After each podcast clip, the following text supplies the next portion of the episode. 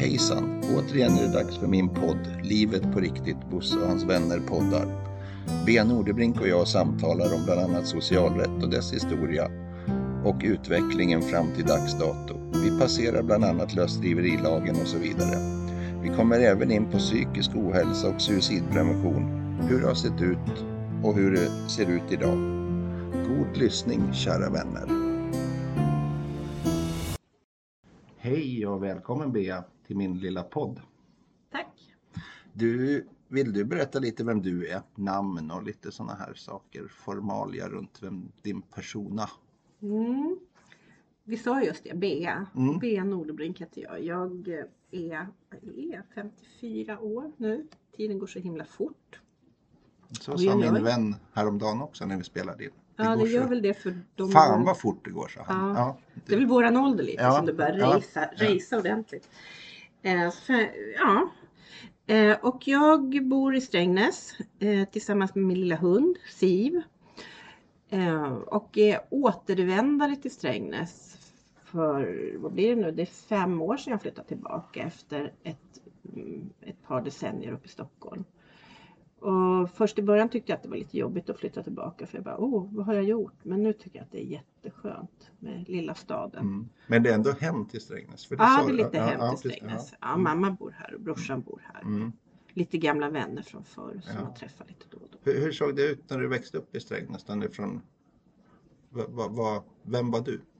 Ja, det var ju på den tiden. på den gamla goda tiden. Nej men eh, hur det, ja men det, man, det var lite, det var Nu har man inte vuxit upp någon annanstans utan man har ju vuxit upp just i Strängnäs som är det kan man ju se nu när man är lite äldre att Strängnäs, nu blir det helt plötsligt om Strängnäs, men Ja, det är en liten stad. Eh, och den är, det är en stad och det är ingen förort och det är ingen köping och det är ingen by utan det är en stad. Allting finns fast allting är mindre. Det är en liten stad. Och där kunde jag tycka när jag var, växte upp och var tonåring att kostymen var lite trång emellanåt. Okej. Det var, fanns inte, om man inte var idrottsintresserad och inte var sådär supersugen på att musicera Nej, okej. eller någonting sånt. Då, det, det, det var lite trång kostym. Det fanns liksom inte utrymme för, för så mycket olika subgrupper Nej, eller okej. subkulturer. Och där, ville du, där kände du att du sökte dig till eller de, Eh. de obefintliga subgrupperna? Som, Ja precis, Ja. ja. då var jag en egen Du- du- Ja, för, för jag har ju en liten rubrik på dig här som jag vill att vi ska ta upp. Jag, jag kallar dig för ung och arg för jag vet att jag mötte dig när du var ung och arg. Ja, ja. Ja, och nu har jag blivit gammal och soft. ja okej. Men vad den där unga arga Bea, vem, vem var det då? Nej men det var nog någon, eh, nej, men jag reagerade jättemycket på orättvisor som jag tyckte var orättvisor då i samhället och fick en fäbless för vänsterfrågor och tyckte Mm. att det var, var det viktigaste med och klasstillhörighet och en massa sådana saker. Mm. Ehm, och var aktiv. eh, Jag var faktiskt yrkespolitiker i mina unga år. Så Mm. att jag, jag arbetade för kommunistisk ungdom som det hette på den tiden. Som ombudsman för Sörmland. Mm. Eh, Mälar, som tillhörde Mälardalsområdet och så. Så att, och jag var nog väldigt arg. Jag tyckte det- det här stod på barrikaden och Mm. uttrycka sin åsikt. Det tyckte jag var en bra sak Mm. att göra. Och, Hur, hur känns det den här historien för dig? Jag vet att den ligger i debatten med och man kallar sig kommunist när man var ung och så vidare. Hur, ser du på det idag? De som ska göra av bön på sitt kommunistiska förflutna och sådana här saker. Så. Nej, det tycker jag. Alltså det var ju det man, nej, det, det bryr jag mig inte så mycket om. Nej, Eh, jag bara tänkte, det bara kom jag var spontant. kommunist, Ja. jag kallar mig för kommunist och det var inget konstigt med det då. Eh, Och så skrek folk jävla kommunist efter det och det var inget konstigt med det. Nej, Och sen, men sen så bytte det där karaktär lite grann och det var faktiskt medan jag bodde kvar här när jag var liksom så här 20 plus. Då bytte det karaktär till att bli eh, att folk skrek jävla feminist efter mig istället. Och det har jag nog, tycker jag, behållit mera av eh, idag. Det är mera benägen att diskutera orättvisor mellan, Mm. mellan kvinnor och män och, Mm. och sådana saker. Och liksom, eh, ja men det stereotypa eh, och norm, normkritik är jag mycket för att ägna mig Mm. åt att titta på. För det, och, men jag tror att det har sin bakgrund även i det här i, min vän, i mitt vänsterengagemang i min Mhm. ungdom. Men det har fått, det har liksom gett sig uttryck kring och blivit att jag funderar rätt mycket på normer i samhället. Mm. Normer kring kärnfamiljstrukturer, kring etnicitet, kring kultur. Mm. Och det tycker jag är viktigt. Alltså, Mm. Och det är någonting som man bör lyfta i många sammanhang. Mm. Hur, hur ser det ut med, för jag vet ju det då när vi, för vi korsade våra vägar lite hastigt där i, när vi var unga och jobbade inom mentalvården. Mm. Och, och eh, sen så spelade jag fotboll med din, han som är pappa till dina barn. Ja, ja. Så, så jag, jag sprang på det lite så här i periferin mest. Men, men hur, hur- den här, din egna familj, hur, hur är den? Hur var den uppbyggd? För den kom ju till här i Strängnäs. Ja, nej Mm. men det var väl mamma och pappa och lillebror Mm. och jag. Och vi bodde i radhus på Vallbyvägen. Var nog, alltså, utifrån det var det nog ganska ordinärt. Mamma Mm. och pappa ja, och inte brorsan heller varit särskilt så här, engagerade i samhället eller tyckt och lyft frågor. Ibland så läser man intervjuer eller lyssnar på en intervju med någon som har varit liksom engagerad i hela sitt liv och tänkte det där har man fått med sig sen frukostbordet när de Mm. var små hemma men det har definitivt inte jag fått. Nej. Möjligtvis att de klargjorde vilka de skulle rösta på inför valet. Men Ja, det var liksom inga stora politiska diskussioner hemma hos oss. Det har liksom inte varit sådana. Jag vet inte riktigt var jag har fått det ifrån. Jag har inte fått det hemifrån i alla fall. Utan okej. det är nog någon annanstans Det- ifrån. Jag tror att det kan handla mycket om att man är barn av sin tid. För att Ja. eh, man- vi var ju barn på 70-talet och då Mm. var det mycket frågor kring samhälle och rättvisa. Och det, någonstans där var man Det var rätt mycket i det. omvandling samhället just då. Det var ju det. Vi, vi som växte upp med punkeran bland annat. Ja, då var vi väl kanske något lite äldre. Ja, men det- men- när, man, ja. när man var, ja eller man var ju fortfarande Ja, precis. 77, vad var, vad var jag då? Ja. 10-11 år. Ja. Så att man var ju inte så stor då. Men sen kommer jag ihåg när man var ännu mindre. Det, jag gick ju på första, på Pelikanen på det första kommunala fritidset. Ja. eh, i, när jag började ettan. Och där kommer jag ihåg, där var det liksom så här. Man, man skulle kunna tänka sig att filmen tillsammans, att de har tagit rekvisitan därifrån. Ja, och här okej. bruna manchesterplyschkuddar. Och så kom det en massa snubbar hela tiden som var ofta väldigt magra och långa tyckte jag då. Och skäggiga och gängliga och gjorde vapenfri. Okej. Ja, det, det, var- minns ja. jag väldigt. Det var liksom den ena efter den andra. Och Björn och Lasse och Bosse.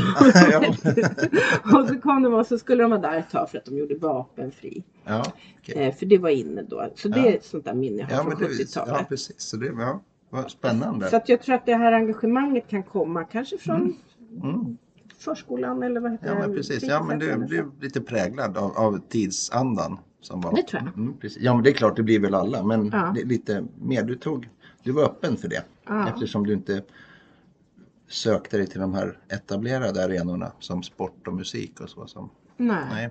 Nej. precis. Men, men då han, eh, han som är pappa till dina barn då, när, när kom han in i bilden? Där, du, du, men, Tobbe, Mm. eh, med, med, för jag vet ju att det var ju skriverier om, om dig i tidningen, den här feministen slash vänsterkommunisten som protesterade mot porr på Storgatan. Mm. Ja.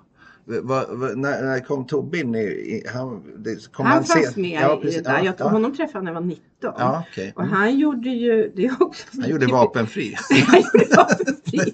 Nej, han gjorde faktiskt lumpen. Ja. Han gjorde inte vapenfri. Nej. Och det är så också typiskt Strängnäs historia. Ja. Ung tjej, 19 år, går ut på krogen, träffar kille, 21 år, som gör lumpen Mm. Och dansar discodans på downstairs eller vad det hette Ja. då på, för tiden eller Ja. nightlife. Ja, eller jag kommer inte ihåg alla namn som har varit på det där stället. Lite Eh. hem, hemskare smeknamn. också. Ja, det behöver inte. Och då bodde inte jag här heller. Men vad heter det? Och så, sen så blev vi ihop och sen den vanliga historien och så fick vi först Kajsa 89 och så Klara 91. Ja. Och sen så längtade han längtade nog alltid tillbaka upp till Stockholm och jag ville inte flytta från Strängnäs faktiskt. Nej, jag hade inte alls någon större lust med det. Men sen hittade jag ett kollektivhus i södra förorten i Skarpnäck där jag lärde känna folk genom mitt feministiska engagemang. Mm. Apropå normer Ja, ja. Mm. precis. Och då flyttade vi dit. och sen så flyttade vi så att vi bodde, han bor fortfarande kvar i kollektivhuset. Mm. Och eh, en av mina bästisar bor där och Kajsa och Klara döttrarna är uppvuxna så att det är deras hem, hemhus Mm. liksom, som de växte upp i. Eh, och det var inte ett kollektiv som i, i filmen tillsammans Nej. utan det var egna lägenheter och så matsal och lite finns några sådana uppe i Stockholm. Några stycken Ja. sådana. Det är ett rätt trevligt sätt att bo på och, Mm. och så. Så att där bodde jag i 13 år. Eh, Och, och det var det som fick mig att gå med på att flytta upp till Stockholm. Så att då tog vi vårat pick och pack och sålde radhuset här. Och Okej. bröt normen lite på det sättet. Jag kände Ja. att det behövde jag göra för att jag kände att kostymen här var lite för trång.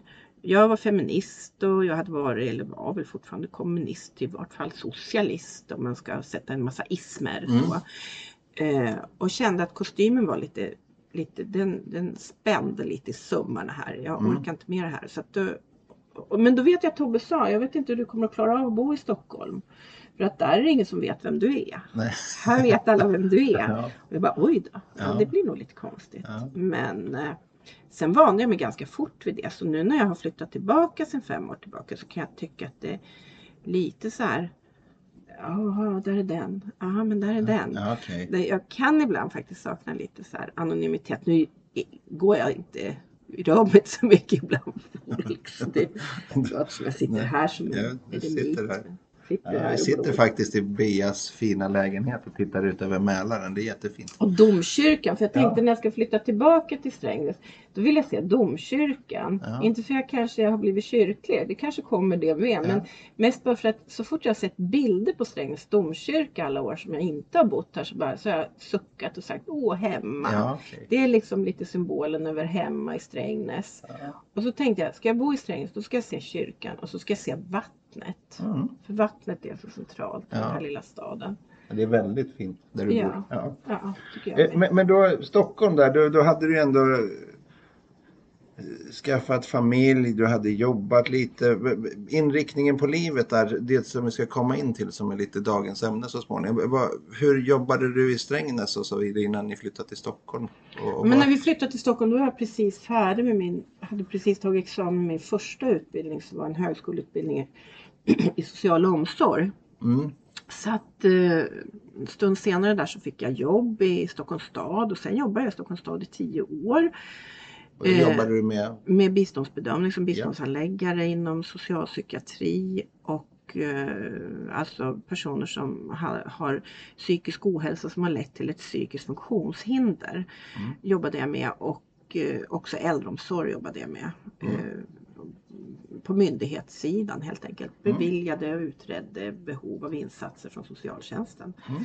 Eh, Så. Och sen så i början på 2000, 2002 började jag plugga juridik. Så att man kan säga det jag sysslar med idag är att jag står med en fot i det sociala arbetet för det har jag hållit på med i 20 år. Och nu har det blivit att jag har varit inne på de flesta områden inom social verksamhet eh, som socialtjänsten håller på med. Eh, också den andra foten i juridiken som är mitt, en, alltså den är nog ännu mer Mammas gata, den socialrättsliga juridiken Mm. som jag håller på med.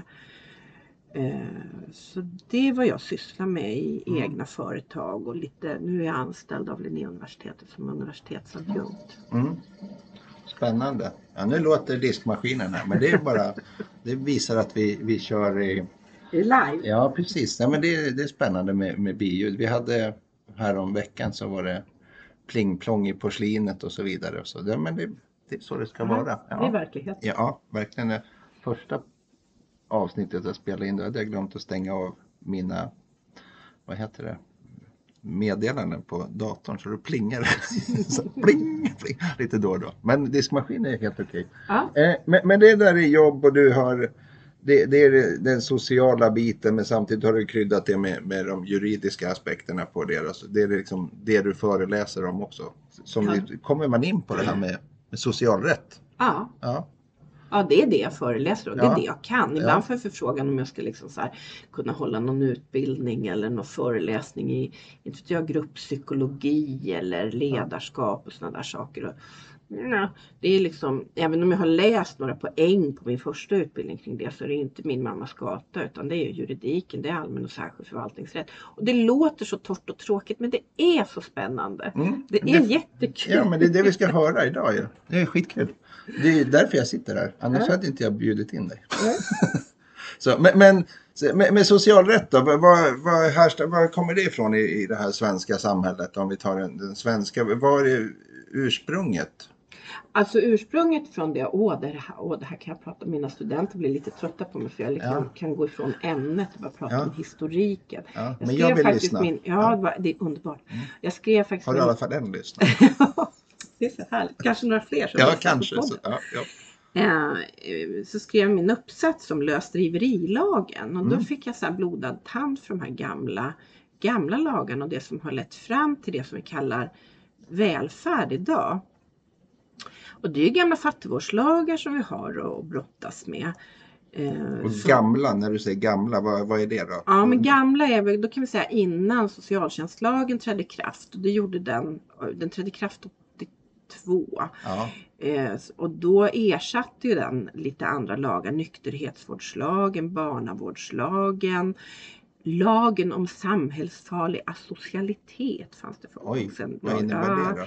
ja, Det, det, var, det en liten parentes, men vi tar den också. Ja. nej, men det var en lag som ersatte 1965 lösdriverilagen och var gällande rätt fram till socialtjänstlagen trädde i kraft. Och den innebar att eh, människor som hade ett asocialt beteende och genom det var samhällsfarliga skulle vara föremål för en massa åtgärder i Okej. samhället. Så att man, eh, det, det har ju alltid, om man tittar bakåt i historien så har det ju alltid varit eh, lite gränsfall om man ska se det som kriminaliserat eller inte. Om vi tittar på lösdriverilagen Ja, så hamnar man ju på spinnhus och lite alla möjliga sådana ställen om man inte hade, hade någon som kunde sörja för en. Det vill säga man hade en tjänst någonstans och ingenstans att bo. Det vill säga var du fattig och inte hade äh, någonstans att bo, då kunde du bli inspärrad för det. Det, var liksom, Mm. det krävdes inte mer än så. Och, och vi sitter ju väldigt nära sån mark här när vi kör den här podden. Gamla Sundby sjukhus där man Mm. Både du och jag träffade sådana som hade varit inlåsta länge. Ja, från, från gamla lagar och sen hade de blivit om, Ja. omvandlade till någon sorts Ja. nutid som, var, som var, fanns på 80-talet. Då. Ja Mm, precis mm. och och det, det, om man tittar på liksom den, vad ska man säga, men det går inte riktigt att särskilja socialtjänsten från eh, psykiatrin Nej. och sen så eh, i 95 så kom ju psykiatrireformen Mm. också vilket innebar att målgruppen som då har lidit många år av psykisk ohälsa som har resulterat i ett psykiskt funktionshinder. För man måste göra den diskrepansen lite grann. Mm.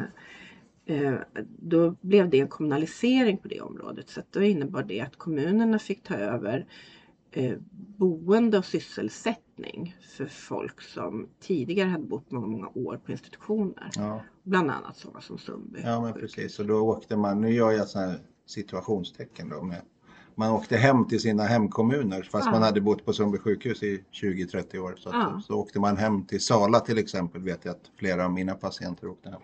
Ja.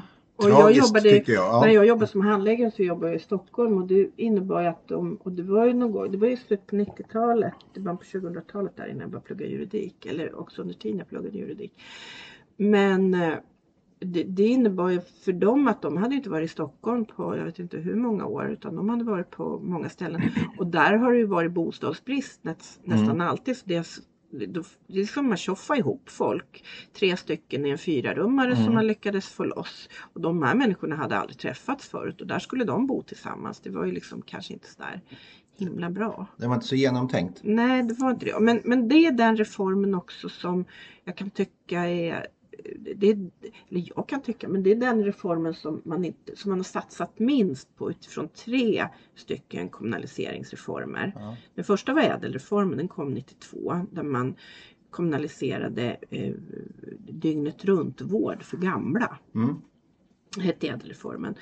Sen kom eh, LSS-reformen, LSS-lagstiftningen. Aktuell i dagens debatt, eller hela tiden. Ja, nästan hela tiden. Mm. Och den kom 94 och den var också sån som man pratade, då sa man den stora handikappreformen. Mm. Eh, och det var en jättestor reform, en egen lagstiftning som man liksom sjösatte där 1 januari 94 och som ersatte omsorgslagen och så. Och det var en stor, stor sak. När det gällde den här målgruppen eh, som lider av psykiskt funktionshinder på grund av långvarig psykisk ohälsa. Eh, så gjorde man inte så mycket. Man gjorde någon liten lagändring i socialtjänstlagen och skrev Mm. in psykiskt funktionshinder också. Och det Eh, där vet jag, det har vi pratat om förut när vi satt här och fikade med vi- vilka som, vilka som kan prata för, för målgruppen så att säga. Och det Mm. kanske är där det skiljer sig. Eller Mm. är det, kan det ligga någon sanning i det? Ja, det tror jag. Mm. Det finns inte så mycket, mm, mycket intresseorganisationer kring den gruppen och den gruppen som har ett psykiskt funktionshinder på Nej. samma sätt som det finns kring målgruppen kring till exempel sådana som omfattas av LSS-lagstiftningen och eh, Och vissa äldre, och äldre. ja, nu är ju det socialtjänstlagen Ja, men men, där finns det ja. också vissa målgrupper. Det är, inte, det är till exempel inte stigmatiserande Nej. att ha en gammal person Nej, i familjen Nej. som man eh, ringer till socialtjänsten eller till äldreenheten eller vad det heter i den kommunen där man bor och säger att ja, nu behöver min farmor lite hemtjänst här. Det, Ja. det är inte stigmatiserande på Nej, samma precis. sätt. Utan det känns som, det, den är i- inlemmad i samhället. Mm. Men, men Mm. backa lite där till den här lösdriverilagen vill jag höra mer om. Så, ja, men, så, men, men, va- va- varför kom den då? Den, åh, det här är så roligt. Ja, Den trädde i kraft för- 1885 Ja, och in, varför? Den trädde, det, det var för att man skulle eh, det, hade var, det var väldigt mycket fattigdom och eh, 60, slutet på 1860-talet. Det hände en massa under 1800 1800-talet fascinerar mig lite för att det hände så mycket saker där. Eh, bland, I slutet på 1860-talet så hade man flera missväxtår. Okej. Vilket innebar att folk blev hungriga och fattiga och svalt rätt mycket. Man hade mycket folk som drev omkring och som inte hade uh, vare sig någon tjänst någonstans som piga eller dräng eller någonting annat. Vad det nu skulle kunna Var, vara. var det liksom ett måste att man skulle ha det? Liksom? Ja, utifrån. Ja, det, det behövde Det- man ha. Sociala normer eller? Ja, sociala normer och också den här um, tjänstehjonsstadgan som Okej, fanns ja. Mm. tidigare som, som, eh, som innefattade att man hade, eh, man var väl, man, man, man tillhörde, det, familjen bestod ju inte bara av mamma, pappa, barn som Nej. vi tror idag utan det var ju liksom, ja men kanske pigar och drängar och så, Ja. vad det nu var. Sen växte sig också industrialismen stark eh, där Mm. i slutet på 1800-talet vilket innebar att man behövde också ha folk in, in till olika typer av verksamheter som, eh, ja, som Tidigare så hade man ju satt in folk på spinnhus och sånt för att man, de skulle göra tyg och göra Ja. olika saker för att man behövde det till bland annat till kronan. Och Ja, så. precis. Så det, har ju alltid, det finns ju alltid ett, ett mål med olika lagstiftningar som finns. Och lösdriverilagen var ju mycket en, ett resultat av att man, det blev stor fattigdom där i slutet på 1800-talet. Så 85, 1885 trädde den i kraft. Och den innebar att den som strök omkring då utan att man hade eh, fick, eh, nu, nu kommer jag inte riktigt ihåg för det var ett tag sedan jag skrev det där, men den fick någon form av varning och sen så kunde man då, det kunde landa i att man eh, hamnade på spinnhus eller någon form av, man blev inlåst någonstans helt Mm. enkelt och fick jobba för sig. Eh, så, så ja, eh, den, och, och den var gällande rätt. Det som fascinerade mig lite grann som jag faktiskt inte fick något svar på i, i min masteruppsats där. Det var, det var varför den var gällande rätt så många år, ända Mm. fram till 1965 faktiskt. Fast ingen tyckte att den var riktigt bra. Och min tes var, som jag inte kunde hitta något svar på, det var lite att man vågade inte släppa riktigt på det här. Man tyckte att man från lagstiftarhåll att man behövde ha lite ordning och reda på de här som drev runt så att det inte blev kopplat till en massa asocialitet och att man eh, att eh, folk började eh, ja, ägna sig åt kriminalitet och skörlevnad som Ja. ett annat ord för prostitution Ja. och så vidare. Så att man Så- behövde ha lite koll på folket. Så, Liksom. så, så just den där lösdriveriet var en... Det fanns en farhåga för att det skulle leda till elände. Ja, Så någonstans så var det nå- någon bakvänd omsorg, att man tog bort dem där från samhället. ja, absolut. Ja. Så kan man ju också se det därför Ja. att det är ju de gamla lagarna och sen ersattes den utav lagen om samhällsfarlig Ja, socialitet ja. och Mm. så. Men vi hade ju också, vi måste tänka, man kan tänka så här också.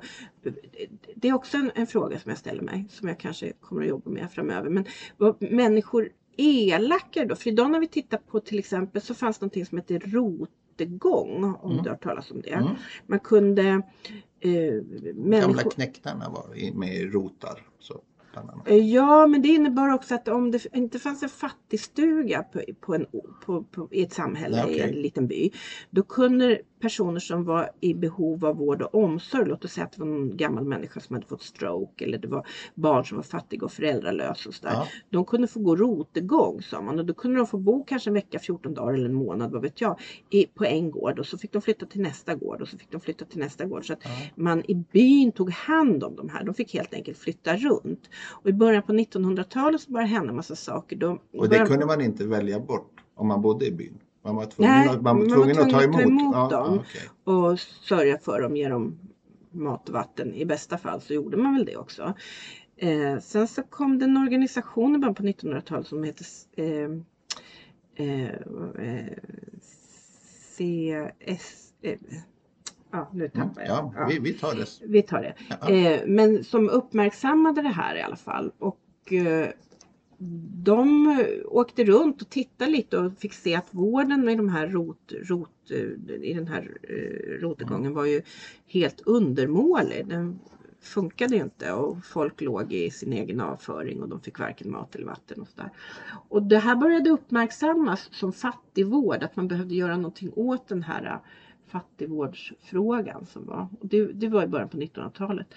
Och då kom den första fattigvårdslagen, eh, trädde i kraft 1918. Mm. För innan dess hade det varit lite förordningar på området. Men då trädde den första fattigvårdslagen i kraft. Eh, Och det innebär att man då skulle ha rätt till fattigvård och så. Sverige var ganska sena med olika regler kring det här. Man hade förslag till exempel att man skulle ha tjänstemän som såg till det här men det hade man inte utan det var kommunen, alltså det var, man fick gå med mössan i handen till politikerna helt enkelt och be om fattigvård och så. Okej. Eh, I en del andra europeiska länder så hade man på ett tidigt stadium eh, tjänstemän på det här området. Och man hade också en överklagningsmöjlighet kring det här eh, i en del andra länder. Men det fick vi väldigt, väldigt sent i Sverige att man kunde klaga på de här besluten. Om man då tänker tillbaks på de här fattigvårds... Eh, det och sen det här med lösdriveriet. Fanns det någon tanke med att när man plockade bort de här individerna från, från, från samhället och satte dem på olika institutioner eh, eller spinnhus och så vidare. Att det skulle, vad hände sen efter? Fanns det någon tanke med det? Nej, det, Nej, det, det var bara att- kommit långt senare. Ja, precis. Det var bara att ta bort. Ja, Ja. Och, och, och det är också så att folk fick liksom, eh, det var, ja precis, det var ju inte så att man så här, ja men nu ska vi ha ett rehabiliteringsprogram för dig här. det var ingen sån vi- tanke att nu, nu plockar vi bort dig som en, en dålig samhällsmedborgare så blir du bra sen när du har varit inlåst här ett tag. Nej, inte någon rehabilitering så tillvida, men det var, jo men det var ju uppfostrande. Ja, uppfostran, ja, precis. Så det man, man ja. skulle Och det kan lära man se, sig. Ja, visst, och det, det är också klockrent i, i gamla socialvårdslagar. Eh, Nykterhetsvårdslagen, den hade ju till syfte liksom att eh, de som, eh, för, det omfattades bara alkohol, alkohol, sådana som ägnar sig åt nu måste vi nog måste göra någonting åt min hund. Ja, då kör vi igen. Vi tog en liten eh, kisspaus med hunden kan vi Ja. säga att det var. Men nu Ja. har Bea letat rätt på vad den här organisationen som kom i början på 1900-talet. Ja, den heter Centralförbundet för socialt arbete och den grundades i början på 1900-talet och bestod i ett gäng, eh, ska man säga, det var väl kanske också lite liberala tankar där i början. Och att man eh, uppmärksammade den här fattigvårdsfrågan. Och de la fram förslag till, det var egentligen deras förtjänst att man fick den här första fattigvårdslagen som trädde i kraft 1918. Den här organisationen finns kvar. CSA? CSA ja, den fungerar som en paraplyorganisation till andra organisationer som jobbar mycket inom det socialpolitiska området. Till exempel, jag tror att Akademikerförbundet SSR är med där och Mm. Sveriges socialchefer har ett eget förbund också som Okej. är med där. Och så så det är som en paraplyorganisation för, för socialpolitik kan man säga, socialrätt idag. Mm. Och, och, och vi, vi, vi pratar lite om det här med, med, rehabilitering och eh, utbildning och, och bildning överhuvudtaget för de som man tog bort från, från gator och torg som lösdrivarna och de fattiga och de som drack för mycket och så här. Då skulle man lära sig att inte dricka då. Hur, hur Mm. gick det till? Alltså, nykterhetsvårdslagen riktade in sig på alkoholmissbruk bara. De som hade annan typ av missbruk, typ ja, men narkotika och så, det har Ja. funnits länge, redan innan ja. socialtjänstlagen. Eh, De, de, de, de blev eh, föremål för dåvarande psykiatriska tvångslagstiftningen, Okej. inte nykterhetsvårdslagen. Som idag har vi till exempel LVM, lagen om vård av missbrukare. Mm. Eh, Och den omfattar ju även alkohol, narkotika och flyktiga lösningsmedel. Som det heter. Mm. Den omfattar även narkotika. Så. Men det gjorde inte nykterhetsvårdslagen utan det var bara så att behövde man vård på grund av sitt narkotikamissbruk då kunde man då tvångsvård, då kunde man bli föremål för psykiatrins tvångsvård. Och då kommer man ju till det här som jag tycker är intressant, här med, psykiatrin. Då, när, när, när hamnar man från de här, och bli, när blev det psykiatri av, av omhändertagandet? Eh, Har du koll på det? Alltså, Vi- förstår du vad jag menar? Det här, när, när man, förut så tog man bort människor från samhället och satte dem till exempel på spinnhus eller fattighus och så vidare. Omväxlingen till att kalla det psykiatri. Ja, det, den hände ju, alltså att det blev psykiatri, det, det var ju, om vi tittar här på våran omgivning, Sundby sjukhus, så var det någonting som hände i hela landet. Man Mm. ville institutionalisera, man trodde att det var bra. Det var ju inte bara när det gällde psykiatrin utan även de som idag omfattas av LSS-lagstiftningarna, Mm. de som har olika olika funktionshinder på det sättet. Man, man, man trodde det fanns, en, det fanns en övertro lite grann på institutioner. Eh, och det var väl då det började växa sig fram att det hamnade inom eh, inom psykiatrin och inom det medicinska området. Det var ju det, det, hela medicinska vad ska jag säga, genren för hade ju ett uppsving där i slutet på 1800-talet. Så att då Det skulle gå att bota allting. Ja, det skulle gå att bota och man skulle laga folk liksom Mm. lite grann. Och, och då blev det ju många anstalter som den här. Mm. Eh, Och det, skulle, det var tänkt att det ska vara en fin och härlig miljö att vandra runt i och då ska Mm. man börja må bättre och så kanske man. Det var inte många Fina som, intentioner. Ja, För jag som har rest runt lite i landet och sett gamla mentalsjukhus, de ligger på väldigt fina ställen. Mm. Mm. Och sen så kan man också tänka vad var det för eh, samhälls... Varför, varför gjorde vi så? Hur tänkte människor då utifrån samhälle och individ om man Mm. tänker lite socialrättsligt. Liksom så. Eh, man, man kan också titta på de här Vipeholmsförsöken som Mm. var i 50-talet, 50, början på 60-talet. eh, Berätta lite. Ja, och Vipeholm var en, en anstalt för personer som hade mer eller mindre svåra funktionsnedsättningar som idag omfattas av LSS-lagstiftningen. Och det, jag tror att Vipeholm ligger nere i Skåne. Och det är ifrån de här Vipeholmsförsöken som vi har eh, också lördagsgodis. För man gjorde ganska så, ja, väldigt kliniska tester på de här människorna som man hade olika kategorier. Jag, jag kan inte detaljerna i det men man smetade någon form av sockerlösning på deras tänder för att se om socker bidrog till karies och dåliga tänder. Mhm. Och det innebar ju ett oerhört lidande för de här personerna naturligtvis. Och idag hade vi ju inte nu har vi också lite bakgrund. Ja. Nu plingar klockan här bakom. Kyrkklockan eller Sundbyklockan menar jag. Sundbyklockan här. Ja. Klämta för oss när vi pratar om det här. Precis.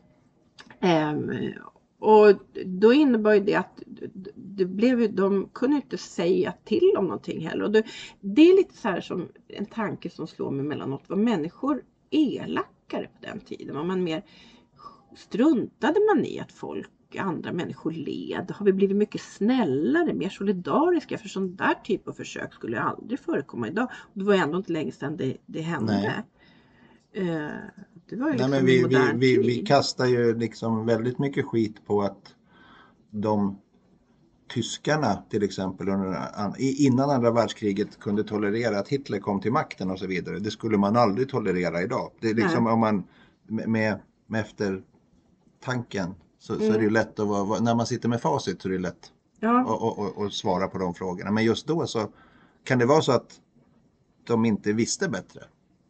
Ja, för Eller? jag tror, nej, jag visste väl det. Ja, kanske, jag vet inte. Jag, jag sitter inte inne Nej, nej, nej, men här. jag, nej, jag bara diskuterar jag med. Ja, nej men jag tror att det kan vara så att då var samhället, det var ju liksom en fas där vi byggde upp det här folkhemmet och Mm. det var också i fasen av att vi, Sverige var ju världsbäst på rasbiologi och skallmätningar och allt det här. Och, och man har ju alltid in, i Sverige varit väldigt benägen att katalogisera och kategorisera och få in saker och ting i olika fack och så. Det var ju det som var grunden till de här ras, rasbiologiska idéerna Mm. som sen också resulterade till exempel i steriliseringslagstiftningen. Och där var det många politiker som, som tyckte att man skulle utöka det här med tvångssteriliseringen till att omfatta även sådana som hade ett socialt, asocialt uh, beteendemönster. Mm. Inte bara de som kom att omfattas av tvångssterilisering. Och i den här fasen, om vi backar till Vipeholmsförsöken, så tror jag att det var så att samhället var viktigare än individen. Okej. Idag är individen viktigare än samhället. Eh, vilket innebar att om alla ska bidra med någonting. Man måste bidra till det här folkhemmet och antingen bidrar man genom att man är en eh, mest pliktskyldig arbetare som går med sin lilla unika box till sitt arbete och bidrar till samhället, vad man nu Mm. gör för någonting. Eh, de här människorna kunde inte bidra med någonting så då fick de bidra med försök som sen resulterade i ganska stora liksom omvälvande. Det var ju så man eh, slog fast att socker förstör tänderna och det var så Mm. vi fick lördagsgodiset. Mm. För de hade mindre karies på sina tänder som bara fick godis på lördagar. Mm. Eh, så. så jag tror att dåtiden innebar att man tyckte att alla skulle bidra med någonting. Och vi var väl också rädda där i efterkrigstidens era att det skulle bli, om man inte hjälptes åt så, så var det lite farligt då, eller? Kan det ligga någon sanning att man ville få med sig folk så att man gjorde samma sak, så man hade dem i, man kunde dra dem till samma ställe? Ja, precis. Att det fanns någon form en, Ja, ja, enhetlighet ja, i ja, men samhället. precis, i så ja. Ja. Det är troligt att det skulle kunna vara så. Mm. Så att man var lite rädd för att det skulle komma slå kilar mellan samhällstänket, uppbyggnaden. Ja, Så- så- olika ja, samhällsgrupper ja, och lite sådär ja. så att alla, alla skulle bidra med någonting. Och jag tror att det var det som var grunden till att man kunde göra sådana märkliga. Idag tycker vi att det är jättemärkligt med Vipeholmsförsöken. Mm. Men d- det var inte så märkligt då. Idag Kan man se några paralleller till nutid? Tror du? Eller? Det kan vi, den Nej, frågan det kan vi bara slänga ut i rymden. Så, men, Ja, om det är några som har det så kan Ja. man få... Kan du höra av sig till Ja mig? men precis. Ja. Men det är också liksom det här med att vi sitter här på Sundbymarken. Liksom, och så där. Det hänger liksom lite ihop med det här att man tyckte att eh, kollektivet var och framväxandet av folkhemmet och Mm. allt det här. Det var, det var liksom det som var nummer ett på dagordningen. Individen fick liksom stryka på foten. Idag på gott och ont så är ju individen mycket viktigare Mm. än, än kollektivet, individen. Och det kan jag också se inom socialtjänsten för det, jag tycker att det är en intressant frågeställning. Handlar det om samhällets skyldighet att eh, se till att människor får sociala insatser eller handlar det om individens rättighet? Det finns, Mm. en viss, det finns ett visst tomrum däremellan. Och många hävdar ju att de har rätt till en massa saker. Mm. Eh, och det kanske de har i det enskilda fallet, det vet inte jag. Eh, det är ju möjligt att samhället eller i det här fallet socialtjänsten har gjort ett helt felaktigt beslut i just deras Mm. fall. Men de hävdar sin rätt medan social rätt och social välfärd är en, är- en skyldighet för samhället, inte en rättighet för individen. Okej, det är samhället som ska skydda individen och inte Ja precis, ja, bara så att jag fattar. Så att individen ska egentligen inte kunna kräva så många saker. Nej men inte ut, utan, utan, utan en prövning och utan Ja. det, nu kommer vi in på det här juridiska Ja, utan att precis. det finns någon form av lagstöd för att man Ja. har rätt till det här och så. Det är ju inte en Om man inte gillar det här, vad kan man göra då? De här Ja, kan man väl engagera sig politiskt och se till att det blir en lagändring så tillvida. Eller Det- man ska inte sitta och skrika på Facebook, så sa jag lite spydigt. Nej, det Nej. tror jag det, det är inte bra. Nej, Det är inte bra. Den, är inte, nej, den är inte så framkomlig. nej, den är inte det. det är inte, nej, det tycker jag inte man ska göra överhuvudtaget. okej.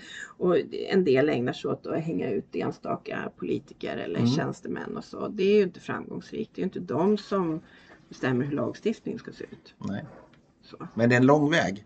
Ja, det, visst är det det. Mm. Absolut. Men det är också, det, det ser ju lika ut för alla. Liksom, Mm. så. Eller?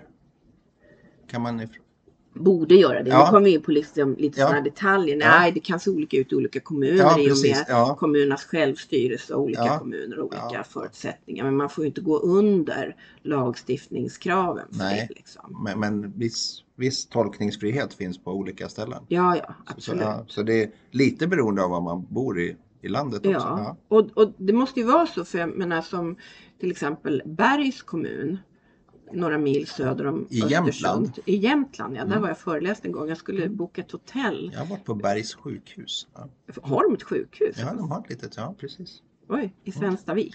Nej, Stenstavik, eller vad heter ja, Svenstavik heter det. Ja. Apropå, hej Pelle Tågefelt. Ja, hej Pelle.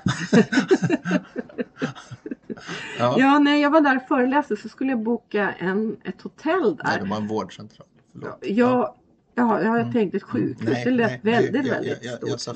jag sa Men det är i alla fall Mm. Sveriges mesta, mesta landsbygdskommun för de har den minsta tätorten av alla kommuner i Sverige. De, de flesta, majoriteten av, av alla kommuninvånare i Bergs kommun, de bor ute, ute liksom på landet. Mm. Men jag skulle i alla fall boka ett hotell där och hur jag än försökte, jag trodde att det hette Samhället hette Berg och hur jag än försökte så kom jag bara till något hotell i Tyskland hela tiden. Ja, okej. liksom fel håll, där kunde inte jag boka något hotell. Men, eh, men den kommunen skiljer sig naturligtvis och måste göra det mot till exempel Botkyrka kommun. Ja. De har helt olika förutsättningar, helt olika problematik, helt olika fördelar också på, Ja. på olika sätt. Ja. också Så, så att det är klart att det kommunala självstyrelsen, självstyret är viktigt. Mm. Eh, och det måste få vara så också. Mm. Så det så, så man då inte... är det liksom, det finns en en smartness och socialplanera för sig själv var man bosätter sig i landet. Kan vara. Ja, det kan det väl kanske Ja, vara. Men eller? Ja, alltså det låter lite så här, ja men okej, då flyttar jag till Tranås då för att där kan jag möjligtvis kanske få någon, någon Ja. social insats från socialnämnden där. Mm. Det låter som väldigt mycket för lite. Däremot är det många som flyttar för att de har anhöriga på en annan ort. Ja. Och så blir de gamla och så vill de flytta tillbaka. Och titta Ja. på mig, jag blev 50 och flyttade tillbaka till Strängnäs. Ja, men bara en sån sak. Bara en Så, sån ja. sak. Än så länge inga sociala insatser. Nej. vet inte det Nej, är. men jag, jag bara spånar för hur mycket man kan titta på systemet så- som, Mm. som företeelse. Vad man, hur, hur man utnyttjar det eller nyttjar det så att Mm. säga beroende på var man lever i landet. För Mm. det är väldigt stor debatt om en parentes här som jag tycker är jättekul också. Mm. Om naturtillgångarnas vara eller inte vara i norra Sverige kontra Mm. södra Sverige med, med naturtillgångar som ska föda hela landet men man tycker att man ska ha lite fördel av det om man bor på orten. Ja, Det, ja, till, det har man väl, det har man, nu kan jag inte alls mycket Nej. om det, men det har man väl styrt upp lite mer i ja, Norge. ja, men precis. Ja. Där det tillfaller ortsbefolkningen Ja, men på ett precis, annat sätt än vad det gör här. Så så det, det finns ju olika aspekter på det där. Mm. Hur, hur Och då är de kan... också inte så benägna att det ska flytta så många Nej. till det. Så, så de har en mycket mer levande eh, landsbygd än vad vi har Mm. här. Mm. Där man är rädd om sin, sin, sina småstäder och sin Mm, landsbygd. Precis. Så. Socioekonomiska frågor här i. Ja. och, stora, stora ja, frågor. ja, men verkligen. Jag tycker det är spännande. Men, men då, då hoppar vi till de här då när, när vi är eh, till exempel Tranås och Svenstavik då. som, som blev, Som kommuner. ja, precis. Nej, men som ställen då. Så det här med definitioner, vi har varit inne på det väldigt mycket med hälsa och ohälsa. Psykisk ohälsa och psykisk hälsa och fysisk hälsa och fysisk ohälsa. Vad- för det känns som att den är marginaliserad. Den, Ja, det- i, i, i, I det stora hela med lagstiftningar. Ja, och då tänkte jag så här att då måste man ju liksom Man måste kunna kunna enas om begreppen så vi inte pratar om olika begrepp. Liksom så. Och då så tänker jag så här, det kom om det var förra året, 2018, den här heter då SOU, det är Statens offentliga utredning. Det här är sånt som jag sitter och bläddrar i dagarna ända. Ja, Eh, och den heter då SOU 2018 19 och den heter För att börja med något nytt måste man sluta med något gammalt och det är en översyn av just den här eh, psykiatrireformen som skedde på mitten på 90-talet där någon gång. Mm. Och då tänker man så här, vad är psykisk? Och i den så framkommer det här, vad är psykisk hälsa respektive ohälsa? Då utgår man lite från WHOs definition här från 2001 och då säger man så här, då definierar man psykisk hälsa som ett tillstånd av mentalt välbefinnande där varje individ kan förverkliga de egna möjligheterna, klara av vanliga påfrestningar, arbeta produktivt och bidra till det samhälle som hon eller han lever i. Där har vi kvar lite av det här Mm. byggandet av Mm. vårt ska samhälle bidra. tillsammans. Man ska Mm. bidra, Ja. precis. Mm. Sen tittar vi då på vad är då, det var psykisk hälsa enligt WHO. Vad är då psykisk ohälsa? Då är det nedsatt psykiskt välbefinnande som, eh, såsom besvär av bland annat trötthet, oro och ångest till olika former av psykisk sjukdom och psykisk funktionsnedsättningar. Alltså det är från att man har sömnsvårigheter och är nedstämd till att man lider av en psykisk funktionsnedsättning. Så. Ehm. Begreppet psykisk ohälsa används sålunda som ett samlande beteckning på mindre allvarliga psykisk, psykiska besvär och varierande intensitet och varaktighet och mer allvarliga psykiska symptom som uppfyller kriteria, kriterierna för en psykiatrisk diagnos. Så psykisk ohälsa har vi hela spektrat i. Det är från liksom li, liten ångestattack till en utvecklad psykos. Ja, precis. Eh, Allt ifrån Nu, att nu man... jag ska inte förringa ångestattacker, kära Nej. lyssnare, men, men som vi förstår spannet. Ja. Ja, nej men man kan ju fortfarande lida av, av ångestattacker men man klarar av att eh, man kan lämna barnen på Mm, förskola precis, och ja. man går Mm. till sitt jobb Mm. och det kommer kanske i skov i perioder Mm. och så mår man mycket bättre i perioder och sådär. Mm. Eh, Så, men det är hela det spektrat Mm, i alla precis, fall ja. som WHO klassificerar psykisk ohälsa. Mm. Och det är lite intressant för att man vet ju inte då, det, det är ju sån spännvidd på det området så att det, det kräver ju helt olika Vi- slänger oss ju väldigt mycket med de begreppen. Ja. Psyk, psykisk ohälsa och, och, Mm. och hälsa. Och vi har främjande åtgärder till höger och vänster med, med att vi ska må bättre hela tiden. Mm. Och den här ohälsan då med, med definitionen där så finns det ju också att vet jag av egen erfarenhet att en del som tittar på det här utifrån vill också gradera hur psykisk ohälsa hur dåligt mår du egentligen? Så kan man Mm. liksom säga, ja, men du mår inte så dåligt och så vidare. Finns det en gradering i den tanken i, i, i, i tänket på i den där skriften du läste ur nu? Ja, alltså det som, det som man har tittat på i den här, det är ju, det är ju den heter ju då, för att börja med något nytt, Mm. att man slutar med något gammalt.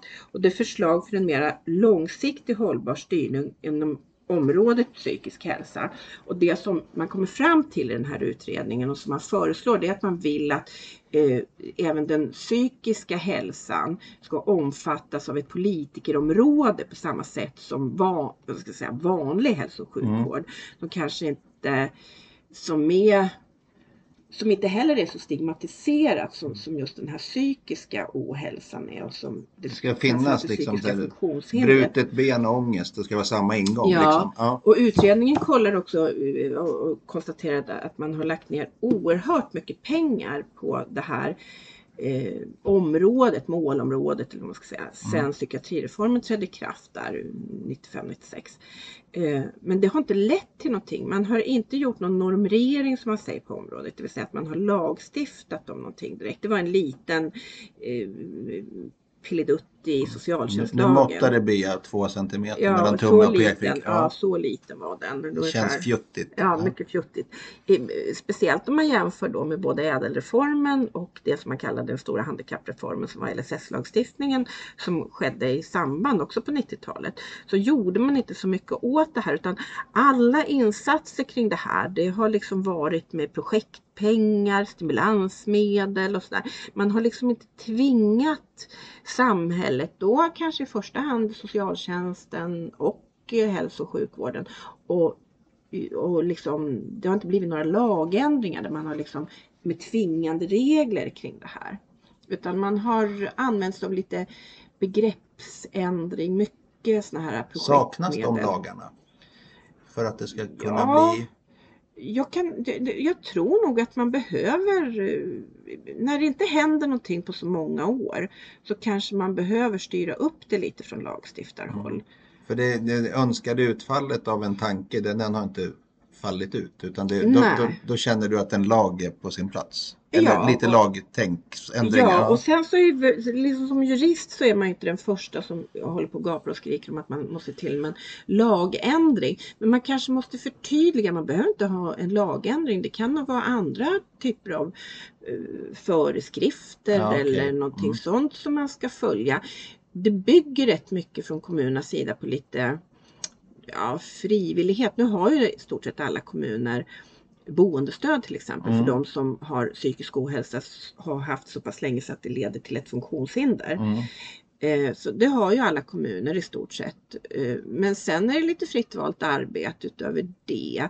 Boende ska man ju se till till exempel men det finns inga så här jättetydliga eh, direktiv kring det. Det finns i och för sig 5-7 socialtjänstlagen att Mm. kommunen ska eh, o- ordna boendeformer för personer som har eh, en funktionsnedsättning. Mm. Eh, både psykisk och fysisk. Så det är kommunerna tvingade till. Men i vilken form det ska, eh, hur det ska se ut i själva verkställigheten och hur mycket man satsar på det. Det är liksom lite mer fritt valt arbete för kommunerna. Och, och, och jag vet ju innan vi, jag tänkte vi skulle gå in på det som jag vurmar rätt mycket för också, det här med självmord och så vidare. Men jag tänker på det här med socialpsykiatrin kontra LSS och så vidare. Är, är det något paraply över det tänket i, i kommunerna?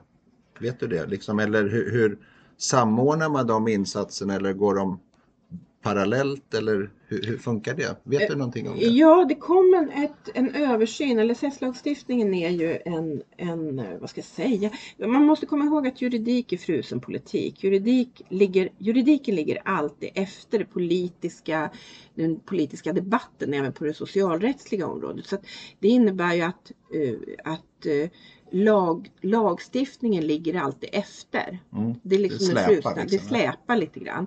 Eh, Och sen har vi också gammal lagstiftning. Nu är aldrig socialrättsliga lagar särskilt gamla. Vi har avtalslagen från 1915 till exempel. Vi har Mm. föräldrabalken från 1949 och. Så att, och där kan man ju se i lagtext hur gammalt det är nästan Mm. om man tittar på ursprungslagrummen. Liksom så.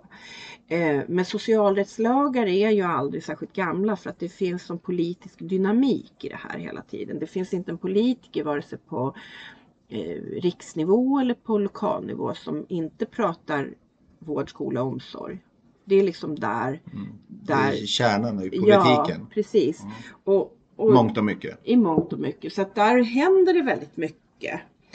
Mm. Eh, så nu tappar jag, vad var det din fråga? Du Socialpsykiatrin och LSS? Ja, B- b- Samordning eller parallellt? Ja, eller? och LSS, åh gud det här är så intressanta ämnen. Mm. Eh, och LSS är ju en politisk hetpotatis. Det är Mm. inte, man gjorde en översyn som man presenterade i januari förra året, tror jag det var, eller var det till och med två år sedan? Jag kommer ihåg. Tiden går så fort. Men då gjorde man en översyn av LSS-lagstiftningen och den blev ju jätteomdebatterad och det är väl jättemånga intresseorganisationer som hade synpunkter och det, det är liksom en, en, kän, en jättepolitisk, alltså politiskt sett en väldigt, väldigt känslig fråga. Mm. Eh, och då presenterar man den här översynen Och mig veterligen, nu var det några veckor sedan jag kollade, men det har inte hänt någonting mer än att man presenterade ytterligare en, en översyn. Det är lugnt. Ja. och sen hände det liksom ingenting mer. Det har inte resulterat i ett, någon lagförslag, någon ändring. Men det finns vissa ändringar i den här SOU men det har inte blivit någon proposition utav det. Det har liksom inte blivit något mer. Det är liksom ingen, det är min, min subjektiva uppfattning att det är ingen som vågar ta i det här. Det är ingen som, för det är en sån känslig fråga med den lagstiftningen. Då, Men- då strider varje intresseorganisation för sig där. Och liksom Ja. det, de vågar ta i det. Ja. Men det är inte de beslutsfattarna närmar sig inte det där på något Nej, jag tycker däremot att den här översynen är väldigt bra för den innefattar så att man kan rikta med LSS-lagstiftningen eh, lite mer insatser till den här gruppen som har ett psykiskt långvarigt funktionshinder, de som Mm. psykiatrireformen egentligen omfattade. Mm. Eh, och så, att, och, så att man har det förslaget som ligger i SOUn, då, då föreslår man att man ska liksom uh, göra lite andra insatser kring som riktar sig lite mer till den målgruppen. Mm. För idag finns det inte, de, de platsar inte i den lagstiftningen som det ser ut, den befintliga lagstiftningen i LSS idag. Möjligtvis om man ska gå in på detaljer att de skulle Mm. passa in. Det finns tre personkretsar i LSS-lagstiftningen. Möjligtvis att många av dem skulle kunna passa in i trean där. Men det är, Ja. inte, det är inte alldeles säkert. För även om man har ett psykiskt funktionshinder så kan det också fluktuera med tiden. Japp. Eh, och, och det, eh, då funkar det liksom inte riktigt. Nej. Och det var inte den målgruppen som Bengt Westerberg och Carl Bildt som har skrivit under eh, den här eh, propositionen som ligger till grund för LSS-lagstiftningen. Det var inte heller den målgruppen som avsågs. För man måste komma ihåg att eh, LSS-lagstiftningen och den stora handikappreformen som det hette på sin tid, den kom ju före psykiatrireformen. Mm. Så den var några år tidigare. Man föreslog när man skulle snickra ihop psykiatrireformen att man kanske skulle se till att, kanske att även den målgruppen skulle omfattas av LSS-lagstiftningen. Men av olika skäl så blev det aldrig så. Nej. Men, men faktum kvarstår ju att de här människorna som är i de här olika grupperna som man kategoriserar det, i, i psykiatrin kontra LSS och så vidare. Det, det, det blir, ska de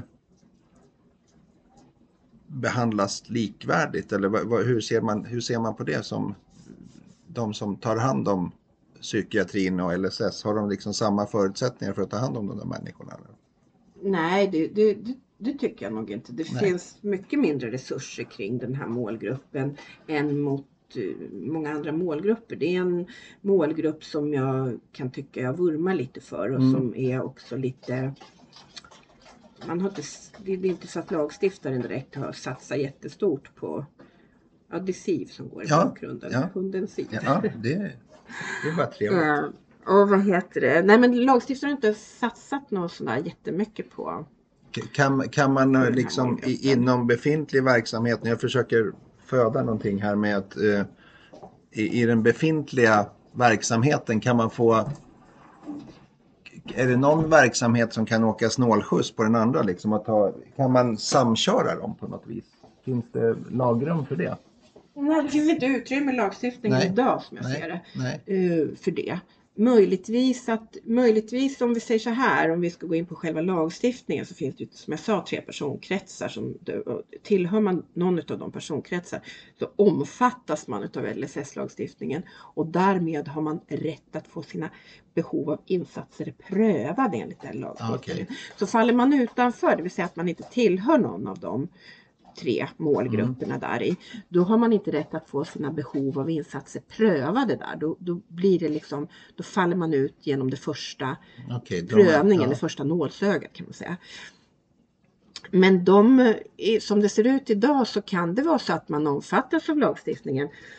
Låt oss säga att man har, lider av psykisk ohälsa så har man autism, någon form av autismproblematik. Mm. Då tillhör man per definition, per diagnos den första målgruppen. Men då ska det också finnas en insats som passar för det behovet man har. Och det är inte säkert att det alltid gör det. Eh, Det är inte säkert att det finns ett sånt, vad man nu ansöker om, att, man, att det är det att man blir behjälpt av de insatser som sedan finns Nej, i lagstiftningen. För de som finns i lagstiftningen, de hittar vi i nionde paragrafen och de är liksom uttömmande. Det är eh, råd och stöd och det är personlig assistans och det är kontaktperson och så vidare. Och så vidare. Eh, och, och Den är de- ganska tydlig. den är väldigt tydlig. Den Mm. är väldigt om man tittar på liksom eh, utifrån, som, liksom utifrån ett juridiskt perspektiv så är den väldigt, väldigt juridisk den Mm. lagstiftningen. Den är väldigt uppbyggd så här, om inte så. Mm. Om det här föreligger så. Mm. Och det kan vi se i de här prövningarna man gör när man prövar enligt LSS-lagstiftningen. Så nej, jag skulle påstå att LSS-lagstiftningen passar inte något bra till den här målgruppen. Däremot så tycker jag att förslaget som presenterades i översynen som heter SOU 2018 88 tror jag att de heter. Jag Mm. kan rätta mig sen om jag har fel på det. Jag tror att det stämmer. Ehm, Men om man tittar på den så, Eh, så, så, så riktar de förslagen de har där sig mer till den målgruppen. Vilket jag, jag tycker är bra. Jag tycker det är bra. Så, så det saknas fortfarande. Men, men vi var inne på det här med, med flera, vad ska man säga, diagnoser och så vidare. Och vi var inne på missbruk och så vidare. Om man har, om man då är, dricker mycket alkohol eller drogar sig och så vidare. Hur, eh, hur, hur passar man in i de här olika systemen då inom LSS och så vidare? Kan man Får man platsa inom LSS om man är någon av de här personkretsarna och ändå få vård för sitt missbruk? Ja, det, det, absolut, det ska man ju göra. Det finns en del avgöranden på det. Att man Mm. eh, kan också vara liksom föremål för en vård enligt LVM om man Mm. har ett svårt missbruk som man inte tar sig ur på något sätt. Och det är ju en tvångslagstiftning. Och eh, sen samtidigt när man eh, har vårdats klart har man rätt till vad man nu behöver Mm. för insats enligt LSS. Det ena utesluter inte det andra.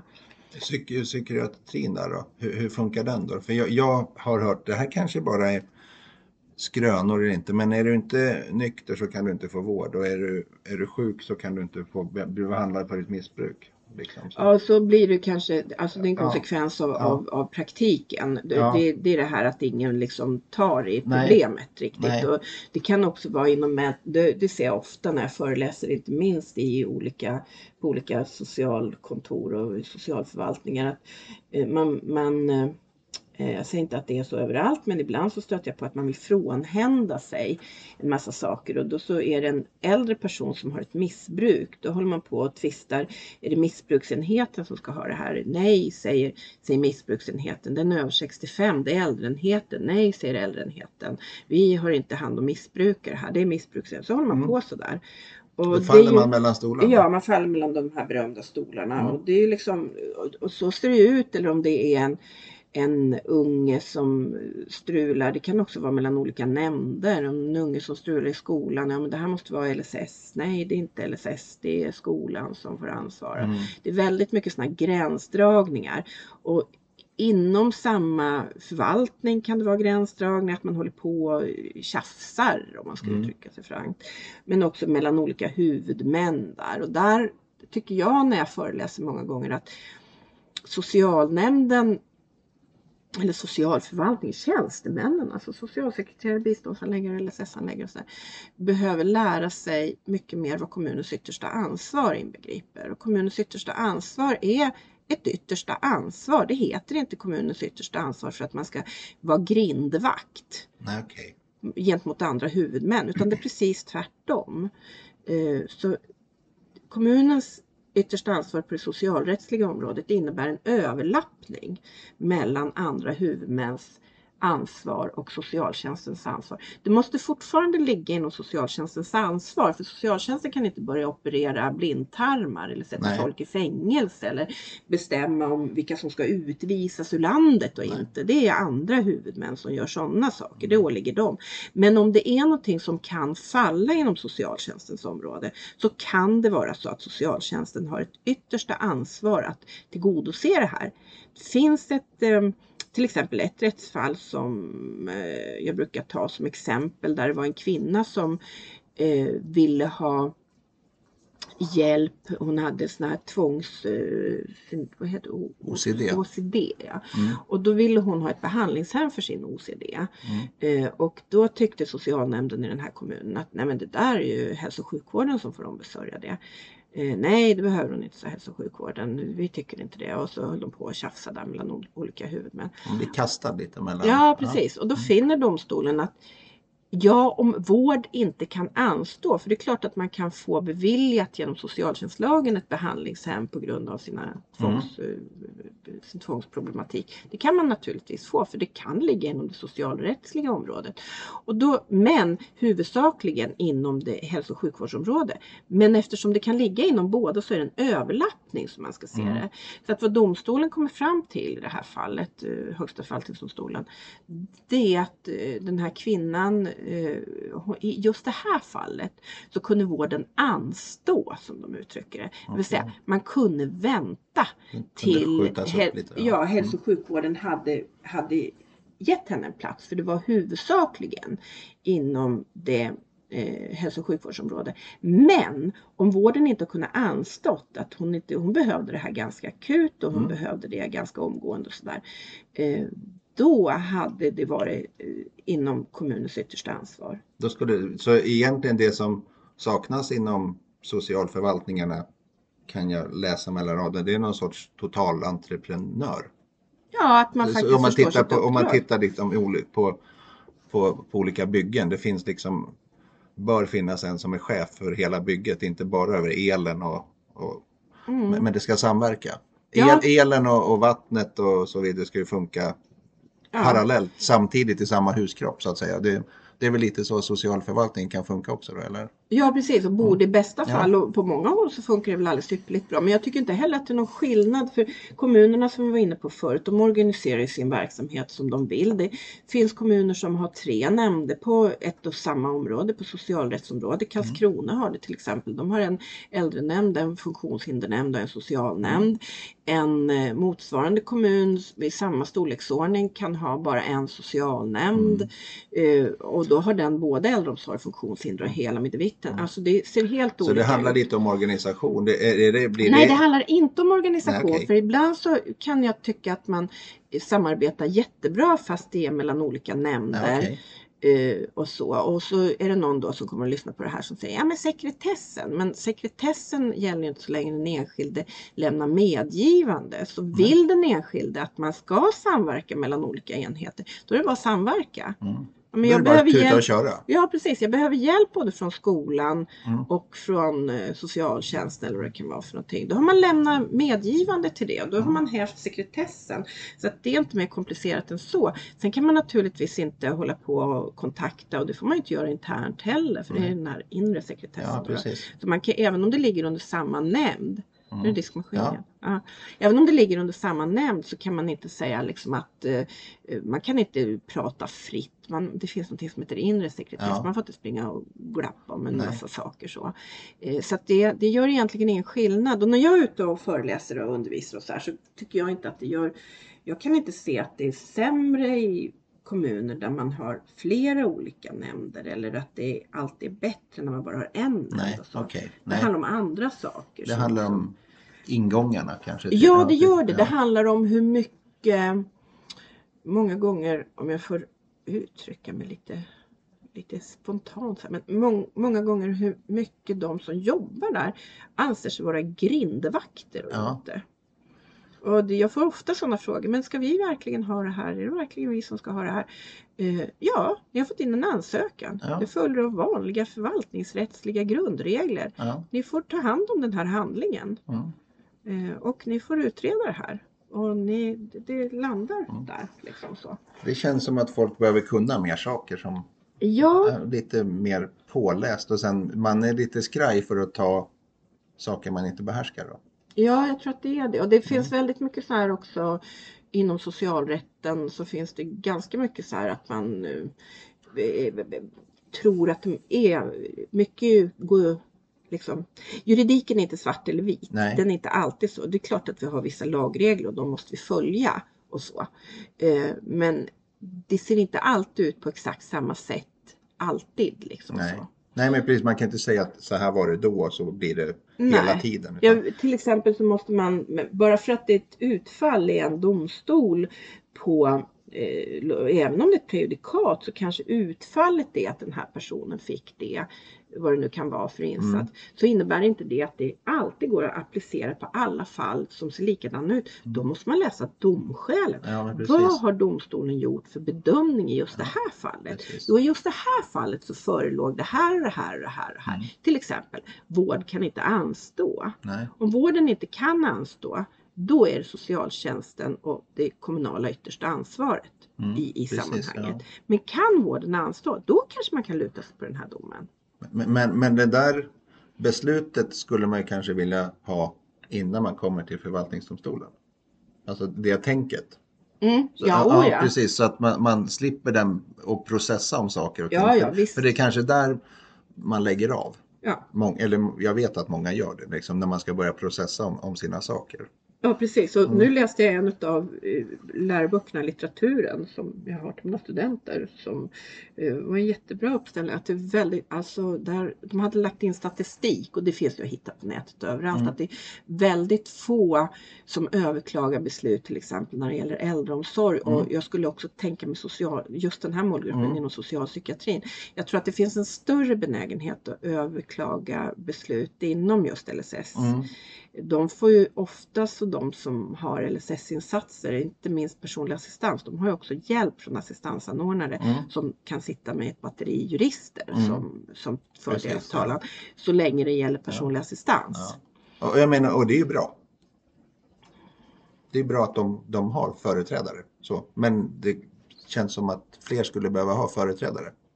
Ja, det är Eller? egentligen inte meningen att det ska vara så. Man ska inte Nej. behöva ha företrädare till några som representerar liksom, det yttersta välfärden. Nej. De ska veta vad som, låter jag lite hård, men, ja. men eh, de, de, man ska veta vad som gäller under vilka förutsättningar enskilda kan få stöd och ja, hjälp precis. och insatser och vi, under vilka förutsättningar som de inte kan få det också. Ja. För Det finns ju inte en, en absolut rätt för enskilda att alltid få den hjälp man själv tycker sig Nej precis, men, men, men, men där när du pratar om de här grindvakterna skulle man då tänka sig att man man öppnar de här grindarna och kanske visar på att om du gör så här, man kan vara vägvisare istället för grindvakt. Är det lite så du tänker? Mm, eller? Mm, ja, mm, att mm. även om han eller hon som jobbade som grindvakt förut blir en dörröppnare så kanske han eller hon inte behöver servera. Mm, mm. Ja men det är jättebra. Det, det är jättebra förklaring. Det finns ju liksom en serviceskyldighet. Ja, jag tänkte för att det, det, känns som att många känner att ja, det blev stängd dörr där. Då, så, istället för att man kanske ja men dit ska du gå. Mm, men mm. inte här hos mig, mm. men du kan gå bort till Stefan och mm. Lena där borta för då funkar det. Mm. Liksom. Ja. Och det följer faktiskt också ja. serviceskyldigheten i mm. förvaltningslagen, mm. sjätte paragraf. Ja, men, ja, men tänk, jag eh, tänka mig det. Ja, och, och, att man måste tala om och lotsa folk och så. Vi fick en ny förvaltningslag som trädde i kraft 2018 och då har man ytterligare en gång skruvat till rättssäkerheten för den enskilde och transparensen och serviceskyldigheten för myndigheter. Eh, och den, den, förra lagstiftningen, förvaltningslagen, den var sedan 86. Så att, eh, för varje gång, och den ännu tidigare var sedan 73. Mm. Så att man har liksom för varje gång så har man eh, öppnat upp mer, man har försökt att jobba bort lite byråkrati, eh, man har försökt att skruva till rättssäkerheten för den enskilde och att det ska vara en, en god förvaltning som mm. man säger. Eh, och det tillhör ju en god förvaltning därför att en socialnämnd är ju en, en förvaltning. Det är ja, en precis, socialförvaltning. Ja. Så, så det, det, det, måste man följa och det är inte sällan som JO kommer med beslut när man kritiserar inte minst socialnämnder för att man har inte följt serviceskyldigheten okay. i sjätte paragrafen. Serviceskyldigheten haltar lite. Ja, den kan halta. Men, men jag tänker på, jag ska vrida om, jag ska göra en radioövergång här från den här stängda grinden och man känner sig motarbetad. Så, mm. så tänkte jag att eh, självmord, kan det komma liksom, eh, man ger upp liksom och i, i, när man mår dåligt och man söker hjälp och så vidare. Till, till, till exempel i socialpsykiatrin. Jag tänkte vi skulle gå in på begreppet självmord. Så, ja. så ligger med. Hur, hur, ser du på det? Hur funkar det i, i dina böcker och formuleringar och det med socialrätt och så vidare när det var, har varit och, och lagmässigt, hur har det sett ut med självmord? Ja, historiskt sett så har det varit, tidigare så var det, det var liksom, det var kriminellt att begå självmord. Mm. Och man, kunde inte, man blev inte begraven in, in på kyrkogården om man hade Nej. tagit sig själv av daga. Eh, så, eh, så det Har, Begreppet som sådant då? ja, det har jag inte funderat så mycket över. Nej, inte jag. Nej, jag, jag bara kom på det nu. Så. Ja. Mm. Mord, självmord. Mm. Nej, det har jag inte funderat så Nej. Det som framkommer i den här äh, översynen, om vi ska gå till Mm. min mammas gata, det är ju att eh, det, man ser ju det också som det, det är den här liksom, ska säga, den yttersta konsekvensen av psykisk ohälsa. Ja. Det är liksom, då är man vid vägs ände i sin psykiska ohälsa. Och det måste ju inte vara att man har eh, lidit av ett långt, eh, långvarigt funktionshinder på området. Nej. Att man har fått en massa olika psykiatriska diagnoser. Utan, men det är den yttersta konsekvensen av psykisk ohälsa. Mhm. Där det, man liksom, ja men det, det, det ja, vad ska jag säga, ja, den yttersta konsekvensen av det Mm. Ja. hela. Att man inte, man pallar inte längre liksom Precis. så. För hade man mått bra så hade man inte hamnat där. Nej, nej, Nej, visst. precis, Det, nej. Det, det, det, Nej, men så kan man säga. Det är likadant som man, ja, men jag brukar jämföra det med, med, med, med, med cancer och så vidare. Man väljer inte att få cancer heller. Men, men har man det så kanske man dör. Mm, Och mår man så psykiskt dåligt så kanske man tar sitt liv. mm, för att det liksom är en yttersta konsekvens. Det liksom, men det kan ja. finnas bot på båda delarna. ja, men precis. mm. Det, det tror absolut, det Mm. tror jag. Mm. Sen, eh, sen ligger ju det liksom inom något slags, eh, vad ska jag säga, mera medicinskt, terapeutiskt område. Det Mm. ligger liksom utanför mitt, min juridiska Ja, kompetens Ja. på det sättet. Så det, det är just den, hur man ska komma till rätta med det, det, det vet inte jag. Det jag kan se utifrån vad socialtjänsten har för, för ansvar, det är att man behöver kanske eh, man, man behöver kanske samordna insatser för den här gruppen mer än andra grupper tycker jag Mm. ramlar mellan de här berömda stolarna hela tiden. Och det är väl för att det som utredningen påpekar, det är liksom lite fritt valt arbete för kommunerna så när som på vissa saker. Det är Mm. mer fritt valt arbete än, än inom vissa andra områden inom socialtjänsten. Mm. Vilket får konsekvenser av att man kanske inte storsatsar på just den här målgruppen. Mm. Liksom så. Men ändå finns det en från regering och riksdag en nollvision för självmord. Som, Ja. som man tog 2008. Så, ja. Ja precis, och Mm. man skriver lite om Ja, det också ja, men, men riktigt hur man ska komma till Nej. rätta med det, det har man liksom inte någon riktig plan för. Nej. Och, och då kan ju jag då som vän av ordning med, i det här ämnet kan ju jämföra det med nollvisionen i trafiken Mm. där man har lagt in en ansenlig mängd med pengar. Jag säger ingenting ont om det men det, om man- skulle lägga in samma liksom, tänk och, och pengar i, i satsningen på nollvisionen för, för självmord. Så, Men då byter vi lite roller här, Ja. då är jag lite nyfiken Ja. på du som kan det här. Ja. Vad har du för förslag att man skulle kunna göra från lagstiftarhåll eller från regering och riksdag eller från samhället i ja, ja, men man, först och främst bör man lyfta upp den på, på, på sammanträdesbordet och ha det som en punkt. Mm. Nu, nu hamnar den liksom i, jag vet i den här kommunen där du och jag lever nu i Strängnäs så finns det där har jag gjort ett medborgarförslag om suicidpreventiv handlingsplan till exempel. Den kommer inte att lösa allting men den gör att det blir en kommer in i den levande agendan, den dagliga agendan som en, en punkt. Då. Och då ska den processas nu i kommunen, i tekniska nämnden, i socialnämnden och så vidare. För det handlar ju också om en, en fysisk förebygga, liksom högre staket vid järnvägsövergångar och så vidare. Till exempel. Det handlar om en satsning helt enkelt Mm. och, och, och lyfta ämnet och ta bort tabut över och prata om det. Mm. För precis som man, man vi pratade om vi, LSS och så vidare så, så finns det målgrupper som för talan. Och här, jag är med i en intresseorganisation som talar för att man ska minska självmorden i samhället. Och det finns ju väldigt få som kan tala emot det, känner jag. Mm. Men samtidigt så ligger det, så hamnar det inte på agendan. Utan det satsas miljoner och miljarders pengar på, på den här preventiv, eh, nollvisionen i, i trafiken. Men får man in en del utav de pengarna till suicidprevention så tror jag att man kan lösa en hel del. För, för det är faktiskt så att det är ju fem, sex gånger fler som tar sitt liv än vad som dör i trafiken Mm. per år i Sverige. Mm. Så, så jag menar, bara den siffran kan ju man råda bot på. Vad tror du att det beror på att det är så att man inte lyfter upp det på, en, på någon form av dagordning? Nej, men jag, jag tror ju fortfarande att det här med stigmat med psykisk ohälsa, att man, man hamnar där att man ska liksom inte väcka den björn som sover och, och, och så vidare. Man ska inte prata om det här för då blir det bara farligt och så vidare. Mm. Medan man all forskning, all vedertagen praxis och allt sånt här som berättar att jo men det är klart vi ska prata om saker som är svåra för att då, då lättar det. Mm. Så berättar ju i alla fall jag för mina barn. Det är klart du måste prata om någon- någonting som är svårt för då, blir det, då kan vi dela bördan. Mm. Och så bör det ju vara med det här också. Mm. Det är ingen som hysch-pyschar och säger att vi har kommit på en skitsmart lösning med krockkuddar i bilen. Mm. Tala tyst om det liksom. Det, det, men det liksom blir ju befängt.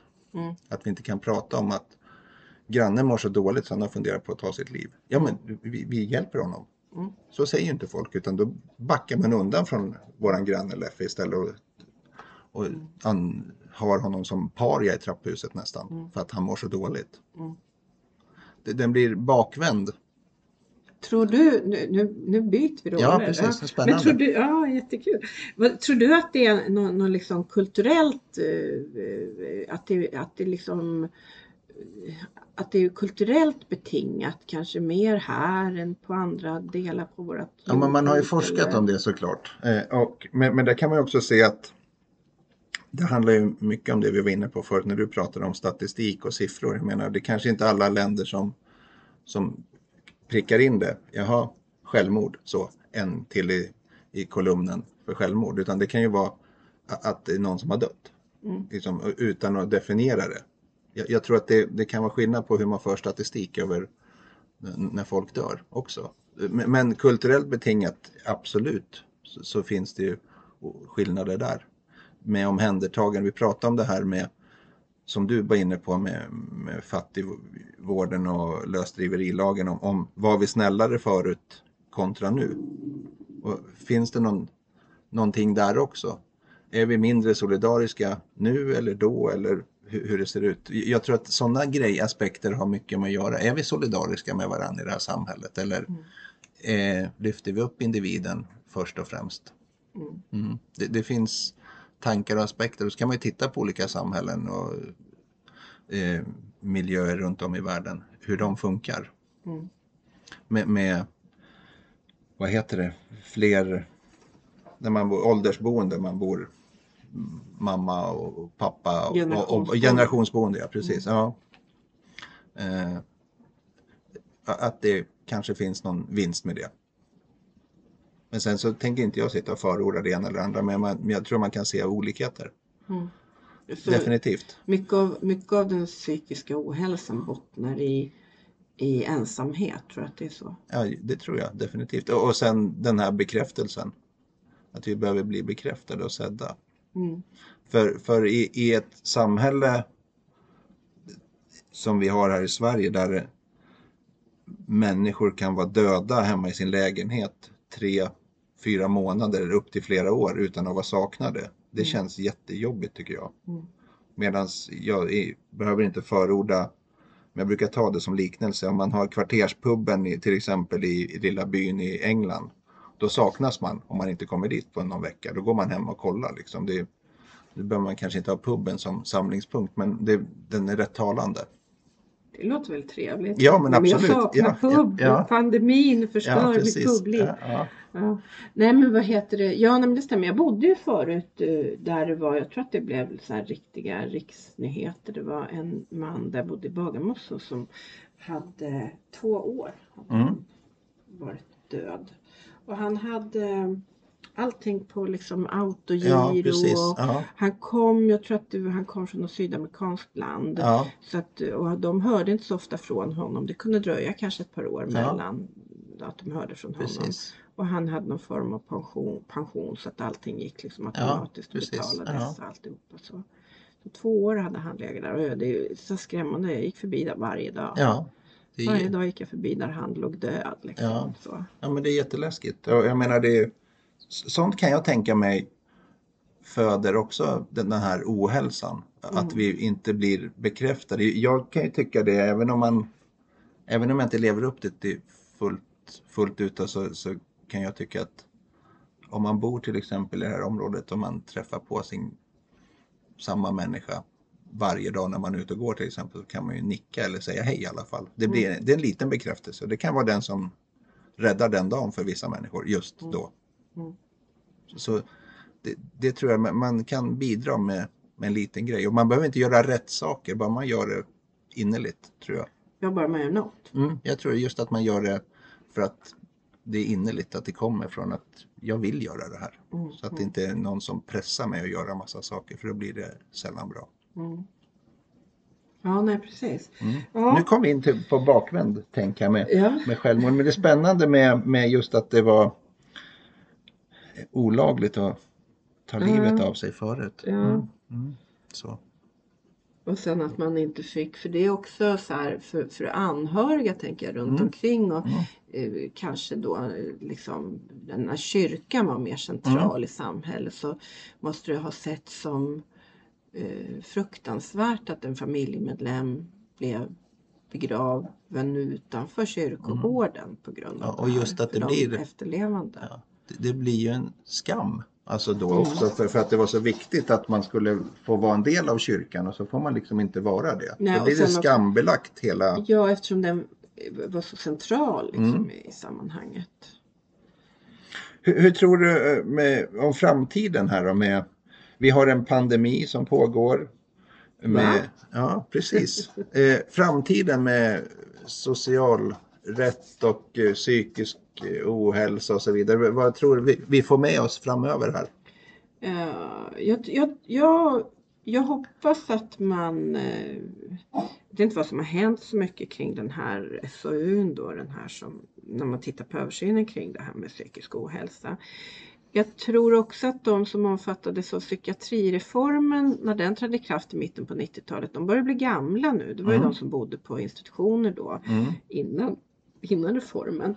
Och de börjar bli gamla, vi bara få upp en annan målgrupp som kanske är yngre, betydligt yngre och som får som har psykisk ohälsa på olika sätt. Och jag tror att den kommer att te sig annorlunda för att eh, de som psykiatrireformen omfattades av, de de var ju per definition stigmatiserade i och med att de hade bott så många år utanför samhället. De, bodde De var liksom- hospitaliserade. Ja, hospitaliserade och institutionaliserade Ja. och bodde på, le- levde sina liv på en institution Mm. vilket man kan tycka känns helt eh, knasigt idag. Men, men så såg man det då. Jag tycker på något sätt att man får ha när man tittar på historia, jag vet ju du som är historielärare, att man får liksom så här, man får vara lite ödmjuk inför vad som var situationen då. Man kan Mm. inte alltid bara titta i backspegeln och, och förfasas över vilka beslut som man Nej. tog på både hög och låg nivå på den tiden.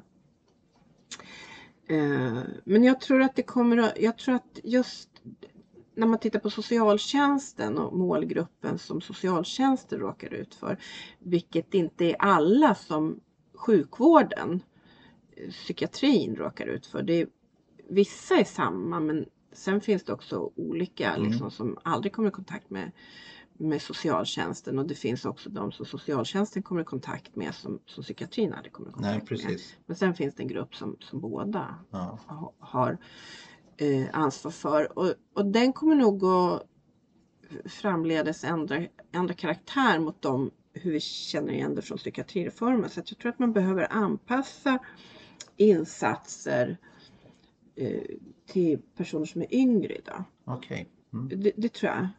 Eh, De här som psykiatrireformen avsåg, de här som var, som är liksom, var, är fortfarande riktigt institutionaliserade Mm. och sådär. De har ju ofta, de, de flesta kommuner har ju en bra bra insatser till dem. De har ofta bra gruppboende, de har liksom insatser. Och De ska leva ut. Alltså de ska leva färdigt sitt, sitt liv. Och, Ja, och sen så tar nästa fas vidare. eller? Ja, eller också att det redan, Ja, men, redan som, där. ja, men vi är en överlappning. Ja, Ja, vi är en överlappning. Vi har så sent som, som Mm. vi pratade om lite förut att så sent som igår så stod det i tidningen om, om unga personer som eh, som kallade hemmasittare Mm. som sitter hemma. Och det är väl naturligtvis en många av dem har ju Problematisk skolgång. Så, ja. Ja precis Mm. och mår väl inte särskilt bra. och Så. Nej. Jag tror att man behöver titta på det. Men socialtjänsten ligger alltid lite, och överhuvudtaget som jag sa förut, lagstiftningen ligger lite efter. Ja. Det kom också en översyn, jag pratar om mina översyner hela Ja. tiden, men det kom, man tittade också på socialtjänstlagen nu och eh, det var ju nu eh, i augusti som Margareta Winberg presenterade en översyn av socialtjänstlagen som också var en sån här jättestor grej på det här området. Eh, och då tittar man ju på en socialtjänst som ska jobba lite mer förebyggande. Mm. Och det man konstaterar i den eh, översynen som också är en SOU, en staten, statens offentlig, offentliga utredningar, det är att det inte, man har, jobbar inte så mycket förebyggande inom Nej. socialtjänsten. Man jobbar knappt inte alls förebyggande. Och det finns några olika orsaker till det. Bland annat så är det så att man har inte några, några bra metoder för att jobba förebyggande kring det. Eh, man har heller inte något särskilt resurser för att jobba förebyggande. Så att det här förebyggande arbetet, det, det, det finns, det är nästan obefintligt. Vi har heller Finns inte... det en önskan om att vara preventiv? Ja, jag tror det. Mm. Om vi jämför, om vi tittar på olika lagar så, Mm. så kan vi titta på socialtjänstlagen som är en ramlag och som styr det socialrättsliga området i, som någon slags fundament kring det. Sen har vi hälso och sjukvårdslagen som är ganska så likt. Hälso och sjukvårdslagen har alltid legat, varit lite mer preventivt. Det hette sjuklagen från början, Mm. sen hette det sjukvårdslagen, nu heter det hälso och sjukvårdslagen. Mm. Och bara namnet, ändringen i namnet indikerar att det har funnits en tanke att man ska förebygga. Nu ligger det till exempel i den lagstiftningen att eh, regionerna ska jobba för att se till att folk eh, håller sig hälsosamma. Mm. sånt. Ja. Och vi har liksom inte gjort den ändringen på samma sätt. Vi har några kvalitetskrav i socialtjänstlagens tredje kapitel och lite så Mm. hej och hå. Men, men vi har inte, man har inte aktivt tagit, tagit tag i det här och jobba förebyggande. Nej.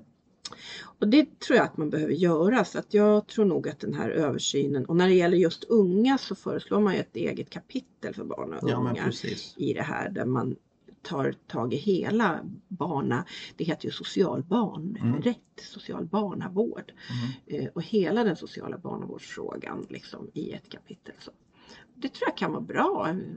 Det, det, det ska liksom, så slipper vi arbeta och, och med, med eh, efteråt. Så släcka kan, bränder. ja, precis, så kan vi vara preventiva. Det, är- Ja.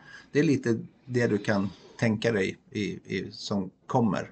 Ja precis och, Mm. där, och, det, och det ligger man ju som sagt var efter med inom Mm. det socialrättsliga Ja, området precis. ö, överhuvudtaget. På Mm. alla områden skulle jag vilja säga. Mm. Det, vissa kommuner jobbar ju ganska så preventivt med när det gäller till exempel ungdomar. Jag jobbade några år i Botkyrka Mm. kommun och Botkyrka är ju en sån kommun Mm. som marknadsförs också genom att det är en sån ung kommun och, då, och det skulle ju vara lite skulle ju vara lite pinsamt om de då inte jobbade Ja, men, framåt. men och- kan det också handla om vem som råkar sitta på den stolen för tillfället? Var, var, när det drivs bra preventiva insatser och åtgärder?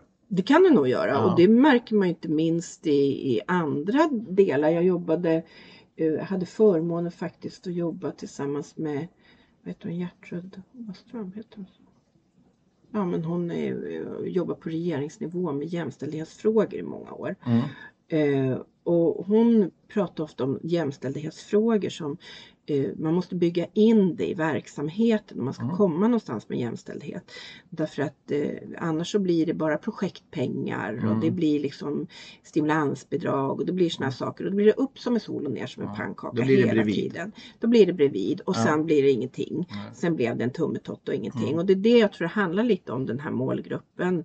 med psykisk ohälsa också. Att man måste jobba preventivt. Man måste tänka hur ska vi jobba med de, den här, jag ska säga, låter så konstigt, men den nya generationen Mm. som kommer. Liksom så här, unga generationen. som Och att den ska också- ingå liksom i grundpaketet. Ja, ja precis. Vi, vi har bara liksom lite, idag ser det ut lite släcka bränder. Mm. I femte kapitlet socialtjänstlagen så har vi eh, alla målgrupper grupper där som, eh, som socialtjänsten extra ska jobba mot. Vi har Mm. barn och unga, vi har äldre, vi har funktionshindrade och, och, och missbruk och så vidare. Och så vidare. Mm. Och sen har man ju, ändrar man ju det där hela tiden. Så 2018 skrev man in till exempel spelmissbruk Ja, som en, en, Ja. en, ytterligare en målgrupp när det gäller missbruk. Mm. Och sen har det tillkommit också anhöriga Mm. 2010 någonting där Mm. och även brottsoffer. Så där skriver man ju in de målgrupperna som, man, som politikerna tycker att socialtjänsten ska jobba mera aktivt mot. Mm. Liksom så. Eh, men det är också lite brandkårsutryckning i det. Mm. Det är ju inte någon sån här äh, Men ma- mandatet i till exempel de olika kommunerna och eh, eventuellt regionerna, finns det liksom för ett preventivt arbete? Kan man se det? det vet jag inte riktigt. Nej, Nej. men jag tror Är det, att det, är det något politiskt parti eller någon inriktning som för, eh, driver den tesen överhuvudtaget? Ja, nej, men det där tycker jag är så intressant. Ja. Därför att det där är ju liksom, det där landar ju lite i, i, i, hur man ska se på saker och ting. Om vi tittar på de tvångslagar som socialrätten har, då det är ju LVM och LVU, lag om, Mm. lagen om vård av unga, lag om, miss, lag om vård av missbrukare. Eh, så. Och det är tvångslagstiftning som vi har. Och när man sjösatte socialtjänstlagen och skulle sjösätta de här lagstiftningarna också så var det en ganska stor politisk debatt kring hur långt ska samhället gå in i individens mm eh, integritet. Ja. Om jag vill supa ner mig så till det milda grad att jag är helt väck i kolan, Mm. har inte jag rätt att göra det då? Hur mycket ska samhället komma in och säga att jag inte får göra det? Och om, om, om man, hur, hur mycket ska samhället komma in och tala om hur jag ska ta hand om mina barn och fostra Mm, dem utan precis, att rycka? Och, och det kan man ju tycka eh, å, å ena sidan. Det här är ju liksom, det landar ju lite grann mellan samhälle och individ här. Mm. Och då har vi vissa ja, men, rättssäkerhetsaspekter. Att det, till exempel de här tvångslagarna inom socialrätten de avgörs ju i domstol. Det är ju egentligen inte socialtjänsten som avgör dem utan socialtjänsten ansöker till domstol. Det slutliga beslutet tas i domstol och det handlar det är utifrån en rättssäkerhetsaspekt att det är en domstol som ska avgöra det här slutliga. Eh, Men, men själva den diskussionen är intressant. Ska jag inte få bestämma hur jag ska fostra mina barn? Mm. Det, det kan man ju Det kan man ju tycka å ena Ja, sidan. Ja. Eh, och sen kan man ju tycka å andra sidan eh, någonting annat. Och, så- och Så det ska- blir liksom en, en, en debatten handlar liksom om, om mina ingångar i, i hur, hur jag vill att samhället ska se ut överhuvudtaget och så beroende på med, med fri uppfostran, jag vill ta hand om mina egna barn på mitt eget sätt och så vidare. Men lagen säger kanske någonting annat. Ja, Mm. och den Så diskussionen. ska man söka, blir man, ska man eh, emigrera då? Ja, det kanske man får göra. Ja, men alltså, ja. Men, men Eller ska man strida? Och- Den, den diskussionen var ju superhet där när, Mm. på, på 60-70-talet. Framförallt när det gällde missbruk och hur mycket Mm. ska, man, ska man tillåta att den enskilde får bestämma själv hur mycket man ska missbruka eller inte. Hur mycket Mm. ska samhället gå in där? Och där kan vi se att man till exempel i lagstiftningen har, sänker kraven för unga. Där de, de behöver inte vara lika förstörda som en Nej. vuxen äldre människa innan det blir ett tvångsomhändertagande Nej, till exempel. Utan de, det kan ligga i farans riktning Mm. liksom, lite grann för dem. Så. Men då kommer man ju osökt, nu tänker jag bryta av dig där. Då Mm. kommer man osökt in på det som vi har idag. När jag tittade på det som händer i Danmark nu när man öppnar upp samhället lite. Men då måste man ha ett coronapass för att kunna gå och handla på affärerna. Mm. Eh, är det något sånt man kanske ska ha med de här andra sakerna också? Med, med att med den här kontrollfaktorn ska visa upp att jag har varit nykter så här länge för att inte hamna inom någon vård eller nu spetsar jag till en diskussion här. Vi, vi, det kanske kommer till oss i Sverige också det här med coronapass för att man ska kunna vara en, en pålitlig medborgare. Mm, Mm. kanske det. Ja, vad, vad, vad tror du om det? Sådana saker med, med att vi, vi ska ha, visa upp att nu har jag gjort ett test här, jag har inte covid-19. Mm. Då får jag gå och handla. Du menar att man ska visa Eller jag får gå till frisören, ja men ett, ett giltigt intyg på att jag är si och sån. att jag inte super ihjäl mig? Ja men, eller ja, men precis att man jag ta applicerar, hand om ja, applicerar den, det, Ja, det, det passet på andra saker. Ja, det, alltså det förekommer väl, det är väl det liksom som den här jag För vi har ju det jag på- riktigt förstår vad du menar men Nej men vi har ju den, den kontrollen har vi på, på inkomst och pengar när vi söker bostad till exempel. Att Mm. vi inte har några betalningsanmärkningar. Så det finns en kontrollinstans där. Det finns en kontrollinstans nu som tickar in i Danmark nu då såg jag att det här med att vi ska inte vara smittade med covid-19. Vi ska vara, visa att vi eh, har negativa senaste testerna på, jag vet inte hur gamla de får vara. Och, och, och då tänker jag också på det här med, med missbruket. Hur mycket får jag supa liksom? Mm, mm. Ja, och det, Och- ligger, ju, det ja. ligger nu som ett förslag. Nu i för bara några veckor sedan så lämnade ju, lämnades ju ett förslag till riksdagen tror jag att ta ställning till utifrån Lilla hjärtat. Mm. Och då är det ju, då ges ju då, då får ju socialtjänsten större skyldighet att kolla eh, föräldrarnas eh, alltså stabila, långvariga nykterhet Mm. inför att de ska få tillbaka vårdnaden över Mm. sina barn och sådär. Eh, och det är ju klart att med, om man tittar på socialtjänsten så är det ju också en, alltså utifrån hur lagstiftningen ser ut så är det ju kontrollfunktion, låter ju lite hårt men det är Mm. klart att utifrån den lagstiftning vi har idag så tycker ju de flesta att man ska inte ha vårdnaden om sina barn om man inte kan utifrån hur vi ser det och hur lagstiftaren har bestämt sköta, ta hand om sina Nej, barn och sköta Nej. det uppdraget man har. Eh, så, så att, ja, det, det, det finns ju redan idag. Liksom, Mm. så tänker jag. Ja men precis. Men, Och vi men- har ju det också när det gäller annan socialtjänst, till exempel när det gäller försörjningsstöd så ska man ju liksom, man ska vara tillgänglig, man ska stå till arbetsmarknadens förfogande. Mm. Eh, Det grundar sig lite i den här, inte vet jag, den som inte vill arbeta ska heller inte äta, men, men arbetslinjen och Ja. så. så att, visst, visst finns det i välfärden Mm. så finns det ju kontroll. Det finns inbakat lite kontra precis. ja, det och och, det, den, då kommer man tillbaks till det här. Jag, jag tänker hela tiden att när, när vi började prata om lösdriverilagen, det var ju, fanns ju någon sorts egentligen omtanke att du ska inte gå här och drälla och må dåligt utan vi tar bort det här så kanske du, du mår bättre sen. Alltså på något vis, eller så skyddar man de andra. Är det Mm. likadant med det här tror du liksom att skyddar vi andra eller hjälper vi den här? Men nu finns det liksom det här med ett rehabtänk på de som inte sköter sig. Till exempel om man är, inte sköter sin nykterhet om man är förälder till småbarnsförälder så ska man Mm. inte ta hand om sina barn. Men då får man hjälp som förälder Mm, numera Mm. istället för att man bara tar bort barnen. mm, Mm. mm. Ja, så är det väl. Ja. Eh, Men det är också ehm, det fanns, alltså det fanns en grund tidigare också till eh, att man eh, till exempel alla de här barnhemmen som var i Mm. början på 1900-talet. Det var ju också en sån här tanke där man vi kan ju tycka också i backspegeln idag att det är för bedrövligt att, man, att så många barn fick växa upp på barnhem. Men det fanns ju en övertro på samhället som Mm. institution som vi inte har kvar idag. Och det får man ju också Nästan tvärtom. Ja, idag är det nästan tvärtom. Eh, Och finns det någon, någonting som människor ska ha insatser så som jag sa förut så kan det ju handla om att de tycker att de har rätt till det, inte Mm. att samhället har en skyldighet till det. Liksom. Eh, Men, men då, då får man vara lite ödmjuk utifrån att ja, men samhället såg ut så då. Mm. Eh, Man trodde nog att det här skulle vara bra för barnen. Jag vet inte om du har läst den här boken, den tycker jag gjorde så stort intryck på mig, den här boktjuven. Mm. Eh, och det är också sån här som jag, ja just det, så tänkte man ja. I, under kriget i Tyskland att eh, den här flickan som det handlar om, hennes mamma blir ju satt bakom lås och bom och pappan är väl skjuten som Mm. socialist och så ska hon växa upp eh, hon ska fostras eh, tyskt och, och bra tycker de så att hon skickas till ett äldre par.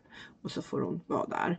Och just det, det, det så tänkte man. Så tänkte man och då, Mm. det var väl kanske inte något specifikt för just eh, Nej. nazist-Tyskland. Så tänkte man ju här också att ja men kan inte, och det rib, ribban var så låg för det. Kan inte folk ta hand om sina barn, ja men då får de det bättre på barnhem. Mm. Och kan de inte ta hand om sina barn och har ett helt tjog med ungar, ja men då kanske vi ska överväga om vi ska tvångssterilisera dem. För det fanns långtgående Mm. sådana tankar som vi pratade om förut. Mm. Utifrån den redan befintliga lagstiftningen, eh, tvångssteriliseringsslagen. Eh, Men som omfattade vissa personer då som typ ja, med funktionshindrade. Mm. Och sen kunde man också, om man gick med på, om man levde ett eh, om man hade ett asocialt beteende som, som det hette så kunde man, gick man med på att sterilisera sig så slapp man eh, myndigheternas kontroll också. Mm.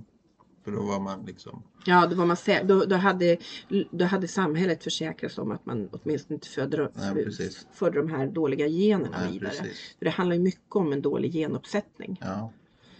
Genbanken var viktig. Och, det, och den, den är ju viktig för oss nu med. När vi, vi forskar Ja. om, om allting med genmanipulerad mat och genmanipulerade människor. Och Mm. vad när supermänniskan som kommer att leva i 200 år och så vidare. Med, Mm. med, med när man kan bota sjukdomar med, med Gud den. vad hemskt Ja. leva i 200 Ja men år. precis. Men du, jag tänker vi, vi rundar av där. Mm. Nu, för nu har vi pratat otroligt länge. Ja, hur länge? En, jättelänge.